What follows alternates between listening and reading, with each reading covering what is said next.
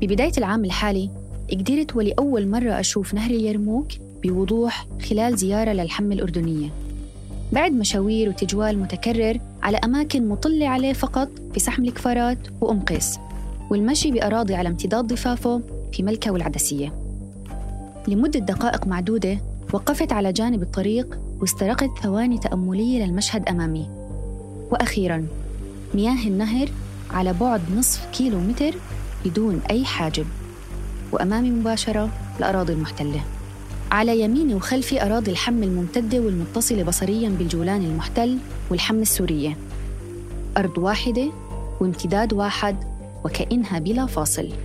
مشهد بتركك مضطرب تماماً وبتتساءل كيف جغرافيا بهذا الاتساق ممزقة وبشكل مشوه لكيانات سياسية منفصلة. والنهر ماشي. لكن كأنه منزوع من ضفافه.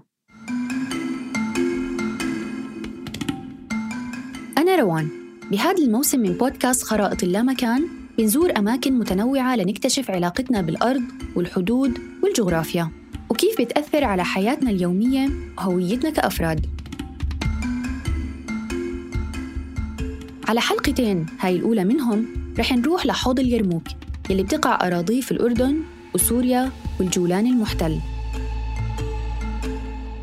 رح نحكي فيهم عن كيف تحول نهر اليرموك من نقطة التقاء ووصل في المنطقة لفاصل وحاجز بين كيانات سياسية حديثة أوجدها المستعمر خدمة لأهدافه. وعن علاقة أهالي الحوض بالنهر نفسه وكيف انتزعوا من محيطهم وانتزع المحيط منهم. نسمع شهادات مجموعة من أهل المنطقة من ذاكرتهم أو ذاكرة عائلاتهم.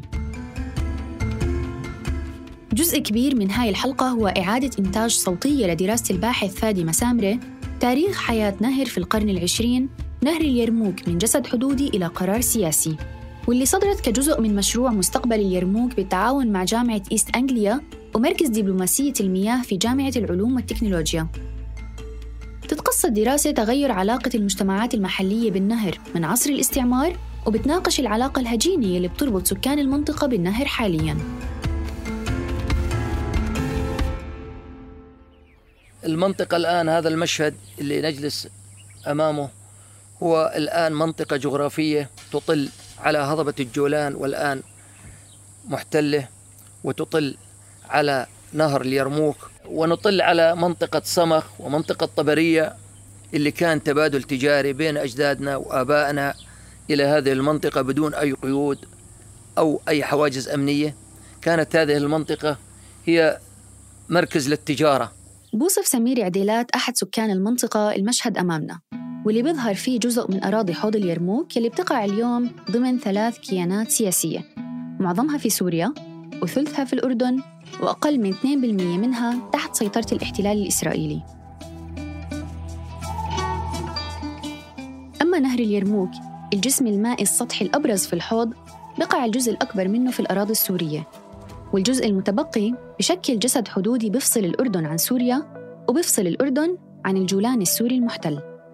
على خلاف شكل النهر الحالي كحد في السابق مثل مكان للالتقاء ونقطة وصل بين المناطق المحيطة. بيقطعوه مشياً مع دوابهم أو على الخيل أو بالشخطورة مثلاً.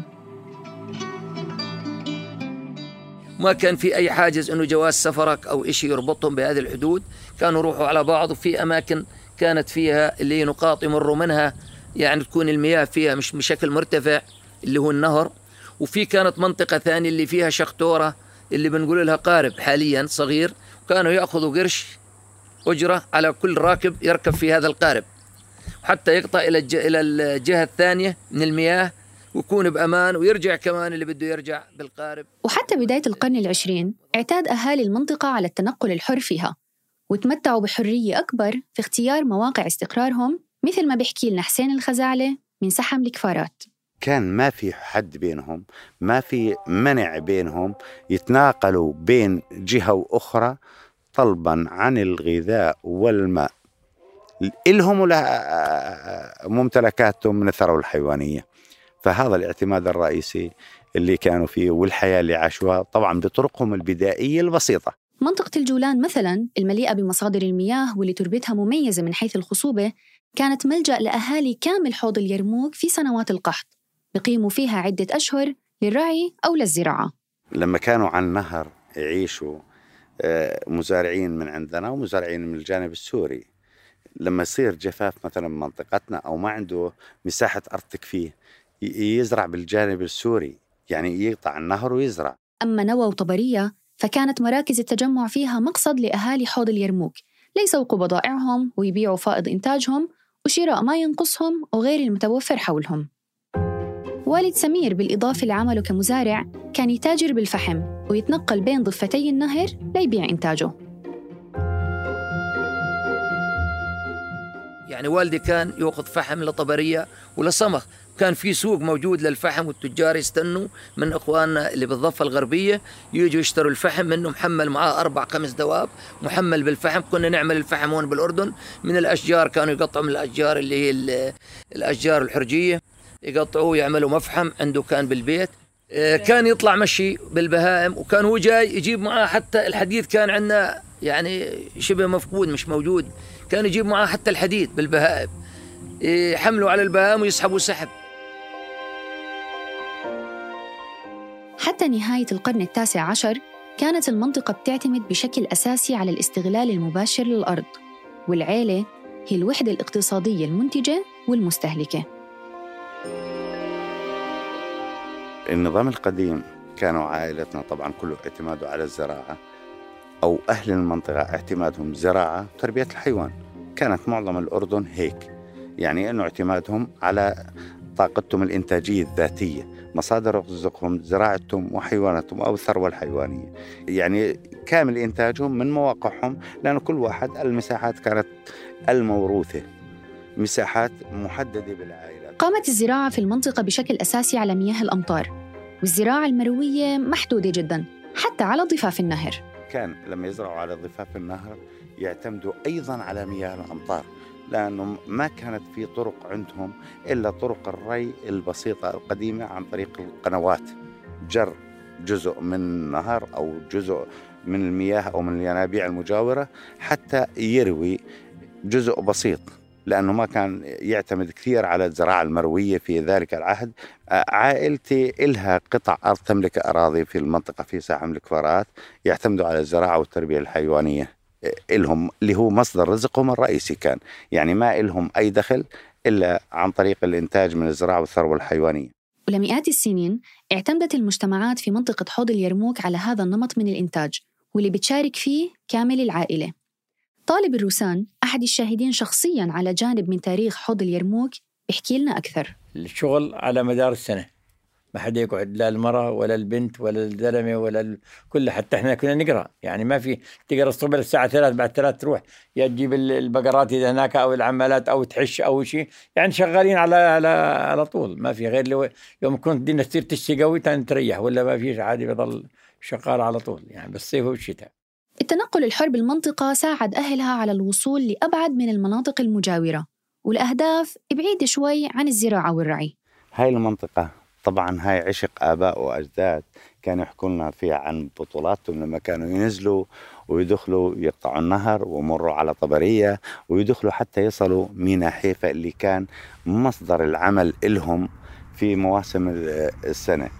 فكانوا يقطعوا كعمالة يقطعوا من هون يقطعوا النهر مرور الطبرية إلى مينا حيفا حتى يشتغلوا على المينا لأنه كان مصدر عمل أو موقع عمل رئيسي يقدروا يحصلوا فيه على العملة لأنه كانت العملة صعبة بأيامهم.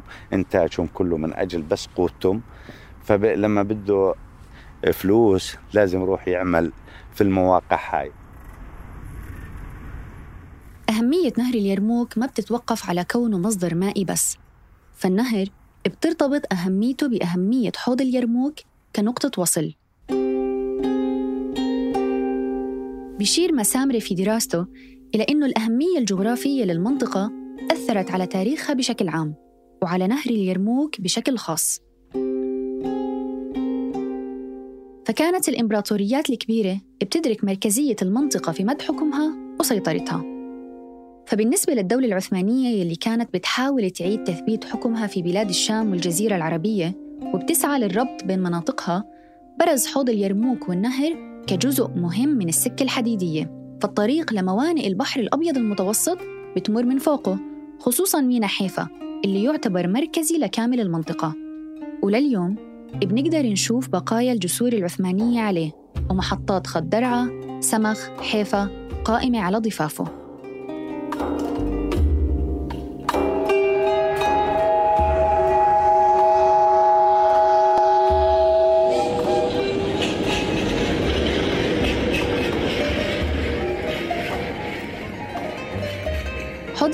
بما فيه النهر ما كان محط اهتمام الدولة العثمانية بس.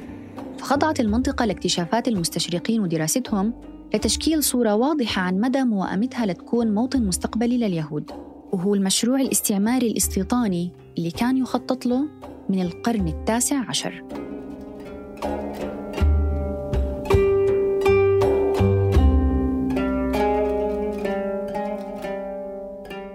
بداية القرن العشرين كانت مليانة مقدمات أعادت تشكيل المنطقة عبر التدخل الاستعماري. ومع بداية الحرب العالمية الأولى بدأت دول الحلفاء بإعادة تقسيم مناطق الدولة العثمانية فيما بينها. في أراضينا مثلت اتفاقية سايكس بيكو عام 1916 المرحلة الأولى لسلسلة من المفاوضات والاتفاقيات لتقسيم مناطق بلاد الشام وما بين النهرين بين بريطانيا وفرنسا. وترسيم الحدود بين كيانات وليدة يلي أخذ تقسيمها شكله الأقرب لما هو عليه الآن عام 1931 وبكل هاي المفاوضات كانت الاختلافات بتتمحور حول أراضي حوض اليرموك ومصادر المياه بالمنطقة.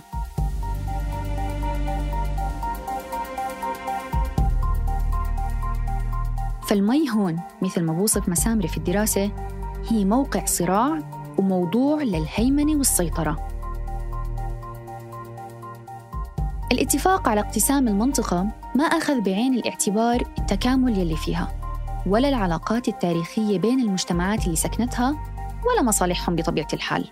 كان ايامها الجيش الإنجليزي يعني إنه ك... كاستعمار بريطاني بهذاك الوقت يعني كتفتيشات مثلا حسب ما كان يحكي لنا أبوي تفتيشات روتينية آه، إنه مثلا المزارعين أو الناس اللي على الساكنين على النهر بده يروح مثلا يشتري إذا بده يتاجر كتجارة يجيب قماش مثلا بدهم مش يدخلوا الناس مثلا على المنطقة الغربية مثلا كتجار أو إشي يغلبوهم مثلا بيت الليلة هون أو لبكرة أو دوركم مثلا بعد أسبوع على سبيل المثال.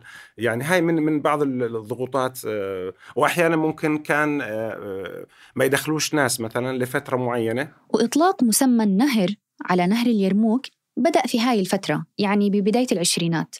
إنما قبل هيك ما كان ينظر إله إلا كأحد أكبر روافد نهر الأردن. وبنلاحظ أن التسمية المحلية لليرموك بالشريعة هي ذاتها تطلق على نهر الأردن. بالرغم من فرض الاستعمار واقع جديد في المنطقة وتقسيم حوض اليرموك يلي كان على اتصال دائم تاريخياً لكيانات تحت مسمى دول إلا أنه الحدود وقتها ما كانت مترسخة. وحركة السكان في الكيانات الجديدة لسه ما تم تقييدها. وتطلب الأمر عدة عقود لحتى يصير الفصل واقع وينعكس على وعي السكان وتعريفهم لأنفسهم عبر التقسيمات الجديدة. فمثلا بحكي لنا طالب عن يوم انتقال والدته من قرية دبوسيا بالجولان السوري لأم قيس بالأردن بعد زواجها من والده في نهاية الثلاثينات. لما جابوها جابوها على الفرس جابوها أهلها لعند الحدود لعند فوق الحمى منطقة اسمها شق البارد. يعني هم راحوا ثلاث أربعة خيالة اللي جابوها من عند آه، عمها هناك لعند عند الحمي عند منطقة شق البارد. هناك اجوا أخذوها عاد مين؟ راحوا كثير من البلد بأكثر من 40 آه، 50 خيال قبل كانوا يروحوا على ذاك مشان يجيبوا العروس من هناك. وجابوه على فرس. وبكمل كيف كانت طبرية مقصد العائلة للعلاج. إحنا كان علاقتنا هنا منطقة هون كانت فلسطين. يعني كان يروح على سمخ طبرية أكثر شيء. يعني بده واحد يمرض يروح على الطبرية إذا كان مرض أقوى يروح على على القدس. يعني لأنه كان في أطباء هناك. أما كان كل العلاجات هذا كله بالطبرية. وحتى منتصف الأربعينات ما شكل نهر اليرموك حاجز أو مانع أمام تواصل سكان المنطقة رغم محاولات الاستعمار. الحدود اللي كانت موجودة عندنا هنا على النهر اللي كان يقطع نهر اليرموك على على فلسطين اللي هو كان اسمه مخاضة موجودة. المخاضة بتكون يعني ميتة ضحلة مسافة كبيرة وضحلة. بالشتوية ما بتقدر تمر بتكون هناك. أما بالصيف تكون تقدر تمشي بكل سهولة يعني. خصوصا إذا كان يعني راكب على دابة بتقطعها هناك على سوريا نفس الشيء في مخاضة هناك نفس السوريا كان يقطعوا منها على يطلعوا للجولان. بالأخير صارت على الحمة هون عند الحمة السورية.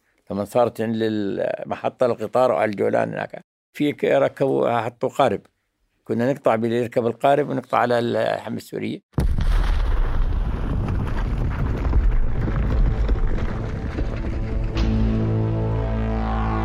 عام 1946 وضعت مجموعة بالماخ الصهيونية خطة لتفجير الجسور يلي بتربط فلسطين بكامل المناطق يلي حولها. وبليلة الجسور الاسم يلي أطلق على ليلة تنفيذ الخطة كان حوض اليرموك أحد أهم المناطق يلي تم تفجير عدة جسور فيها. هذا العمل العدائي يلي قام على تدمير الوحدة والتكامل بمهد لسلسلة من الاعتداءات. وبيعلن إنه الكيان القادم رح يقتطع مساحة جغرافية كاملة من محيطها وامتدادها الطبيعي. قصف هذا الجسور اللي موجودة على مشاهدتنا ما يعرف بعدة جسور من جسر بنات يعقوب يسمى. وهذا الجسور قطعت بعد الاحتلال كانت يعني نقاط مرور قطعت بعد الحروب. وكانت من يرتبط بلبنان وبسوريا من القنيطرة كان يطلع هذا الخط الحجازي وكان يصل حيفا. تؤخذ التجارة والبضاعة بهذا القطار. شكلت مرحلة جديدة من التغيرات اللي أصابت حوض اليرموك مع احتلال فلسطين عام 1948 وإعلان قيام دولة إسرائيل وانتزاع جزء من المنطقة عن محيطها. وبروز دول ناشئة على امتداد ضفاف نهر اليرموك يلي ساهمت في الفصل بين المجتمعات اللي كانت دائمة الاتصال تاريخياً.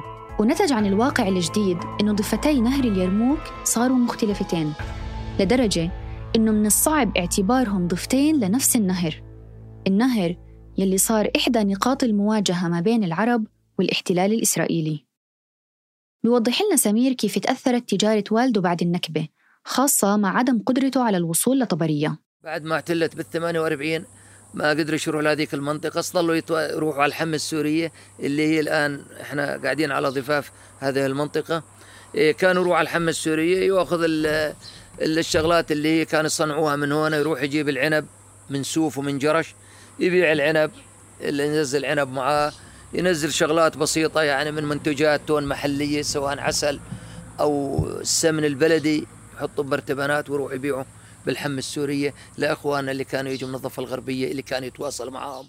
وعلى ذكر الحمة السورية إحدى المنافذ القليلة اللي ضلت لتجارة والد سمير بيستذكر تجربة خاضها لمرة واحدة بعبور النهر والنزول مع والده عليها قبل احتلالها بنكسة عام 1967 كان يوجد باص واحد ينزل إلى منطقة الحمة يوميا رحلة واحدة. من إربد وحتى يمر كان على كل خط بني كنانة وباتجاه الحمة. بعد ما وصلنا أجا آه، في كان هناك باخذ ضريبة قرشين ونص بدفع القرشين ونص اللي هي ضريبة الدخول هاي. آه في كان جابي لهاي الغاية. ركبنا فيه بالشخطورة بالمجاذيف حركوا حتى قد كانت المياه منسوبة أعلى بكثير من الآن. منسوب المياه كان مرتفع وكان ضفاف النهر. منطقة يعني بتحسي كأنك قاطع نهر بمجرى مي بشكل آه، ضخم شوية كان تدفق المية. فقطعنا للجهة الثانية دخلنا الحمامات وشفنا إنه المياه سخنة كانت وكنت حتى من ضمن الحمامات أذكرها لليوم ما يسمى بحمام البلسم والريح. وحمام الجرب هذا لغاية العلاجات للأمراض الجلدية. وبحكي لنا عن أهم ملاحظاته الشخصية بالمناطق القريبة من حمامات الحمة. لكن في مناطق خص مناطق خصبة جدا. قريبة من هذه الأراضي كانوا يرعوا فيها الرعاة هناك. ووجود المية على النهر اللي ما تعرف بالشريعة بنهر اليرموك كانوا يجوا ويعسكروا هناك بخيمهم وينقلوا ماشيتهم ومواشيهم ويجوا بواسطة البهام ينصبوا اللي هم بنقول له ما يعرف بالخيام وما يعرف بالبيت الشعر كان. وكان حتى يجوا عسكروا وشيخهم معاهم يجي شيخ العشيرة ويعذب معاهم.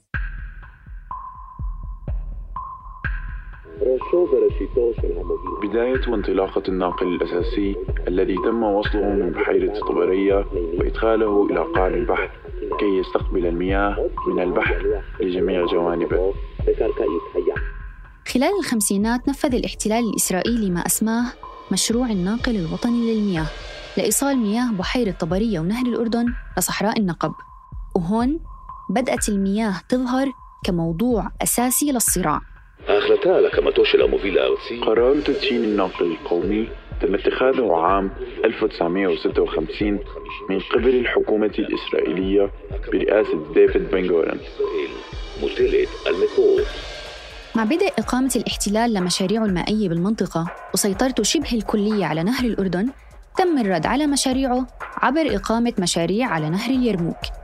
فأنشأت الأردن قناة مائية لفرض سيطرة أكبر على نهر اليرموك ومنع مياهه من الاستمرار في جريانها لمصبها في نهر الأردن.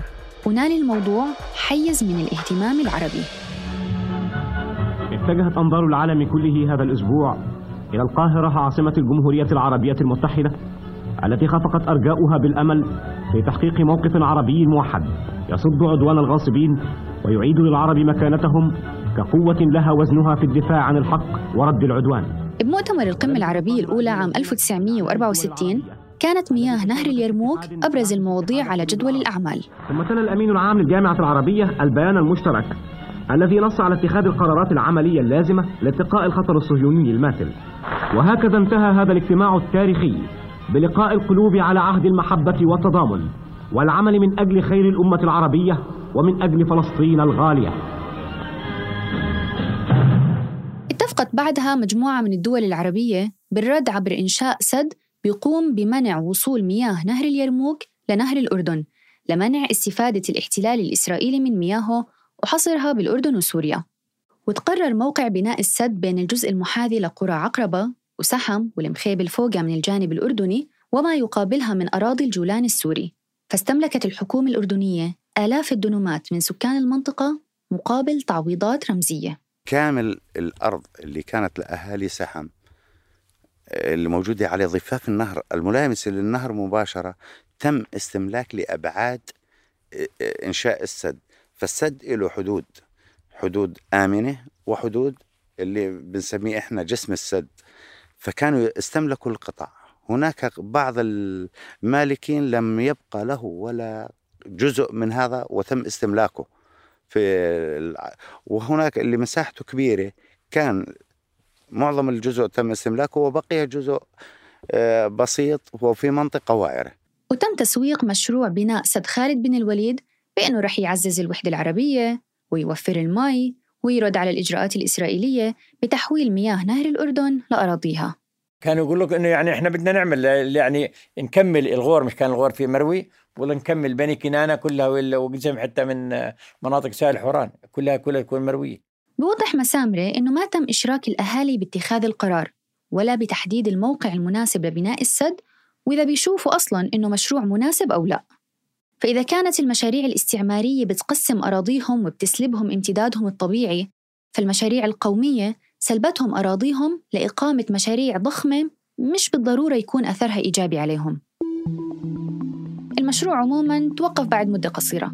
فبحزيران عام 1967 قامت إسرائيل باحتلال أراضي جديدة ومن ضمنها الجولان السوري.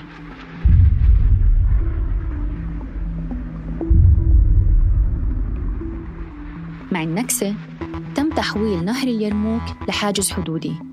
ومع احتلال الجولان تم استئصال الضفة الأخرى للنهر بشكل كلي. وعلى إثرها صار في تغيرات كبيرة على التركيب الاجتماعي في حوض اليرموك نتيجة لنزوح الناس عن قراهم وفقدان السكان لملكياتهم الزراعية لبناء سد خالد بن الوليد يلي أدى لفقدانهم مصدر دخلهم وحولهم من أصحاب عمل مكتفين لعمال وباحثين عن عمل. والله إحنا إحنا بعد ال 67 يعني صارت منطقة تحت الرقابة. يعني بتجيك آه، جيش إسرائيلي ودورياتهم رايح جاي ولهم طريق أمني مع الحدود ومع امتداد النهر. يعني هذا الطريق إنه عليها دوريات وعليها رقابة. حطوا شيك أمني بواسطة الكهرباء أو الإنارة عندهم طريقتهم لأنه كمان في مراقبة من اخو من إخواننا وجيشنا الأردني بالمنطقة الشرقية كمان. حتى يعني ما يصير إنه اصطدام يعني أو إنه يعرض حياته لخطر أو يقتل هذا المواطن أو المزارعين أو ضيوف المزارع اللي جايين عنده. وهذه المنطقة المقابلة جدا والبيارات المقابلة الآن تحت سيطرة الاحتلال الإسرائيلي. مزارع الكيان الصهيوني اللي هي مقابلة هيها مقابلة عندنا في شيك في الشارع إسفلت. هاي هي, هي الحد بيننا وبين هذه المنطقة بس مجرى النهر. ما غرب النهر هي في منطقة الجولان المحتل وما شرق النهر هي المناطق اللي هي أردنية وتابعة إلى قرية سحم الكفارات كانت أهالي المنطقة هاي تزرع المنطقة ولا يوجد حدود بين سوريا والأردن حتى كانت مشتركة الزراعات فيها. تجد الأخ في سوريا والأخ الآخر في الأردن. هذا بيحمل الجنسية السورية وهو بيحمل الجنسية الأردنية. ليش؟ طبعا هذا الحكي لأنه كانت وحدة وحدة ما كان في تقسيم بهذا الشكل إلا أنه بعد عمليات التقسيم الأخرى تم وضع حدود. بعد عام 1967 وحتى نهاية الثمانينات كانت العلاقة بين سكان المنطقة ونهر اليرموك مجمدة. لا يمكن تجاوز عبوره كونه أصبح حد سياسي بيفصل بين كيانات سياسية. والصراع مع الاحتلال الإسرائيلي عمق من الفصل بين ضفاف النهر ليصير يخدم كحد بين الدول. وشوي شوي فقد طبيعته كمكان للالتقاء أو لممارسة الحياة الطبيعية. كان يقطع يروح يعني يعني يروح على سوريا بكل سهولة. ما بقدر تطلع على بعض مرات توقف على النهر إذا في كانت الأمور يعني في توتر ما تقدر توقف على النهر أصلا. قبل كانت يعني حريه تروح على فلسطين تروح على سوريا بكل أريحية. يروح على جنوب لبنان من من فلسطين نفس السنة يعني يعني كانت في الحدود ما لها وجود تقريبا. حتى لو من صارت في البداية بالأربعينات والخمسينات كانت فيها حرية يعني تروح. يعني إذا في أنت حتى يعني معك جواز سفر على المخابات أو لما الشرطة معك مبين شو جواز هويتك يظل يتركوك ما يحكوا معك يعني. هسه ما في هسه بتعرف الحدود مراقبة بالكاميرات والأسلاك الشائكة وكل شيء طير كل شيء هسه بالحياة بالرغم من إنه نهر اليرموك بهاي المرحلة كان نقطة معسكرة ونقطة مواجهة إلا إنه الوصول له ظل ممكن بالنسبة لأهل المنطقة. فسكان القرى يلي أراضيها على نهر اليرموك ظلوا يرعوا قربه ويسبحوا ويصيدوا سمك حتى لو مش بنفس الطريقة يلي كانت متاحة قبل. الأنشطة ذاتها منعوا من ممارستها وحرموا من العلاقة يلي بتربطهم بالنهر في نهاية الثمانينات. كانوا آبائنا وأجدادنا يحكوا عن بطولات إنه نقطع النهر ونروح على طبريه ونشتغل بحيفا. إحنا صارت بطولاتنا إنه وصلنا النهر. يعني شوفي قديش الحجب بالموضوع. إنه وصلنا النهر شفنا الشريعة سبحنا بالشريعة كأنه عامل. البطولة صارت أنه أصل النهر. فمن هون يخف أنه يصير الأجيال اللي بعدينا يقولوا طلينا عن النهر من مسافة أخرى أو ابتعدنا عن النهر أو بيحكوا أنه كان هناك نهر. في الحلقة القادمة رح نحكي عن ما يعنيه أن تكون صاحب أرض على ضفة نهر اليرموك في الأردن من الثمانينات لليوم الحاضر وعن كيف كانت تبعات حالة السلم أشد وأصعب على الناس من حالة الحرب.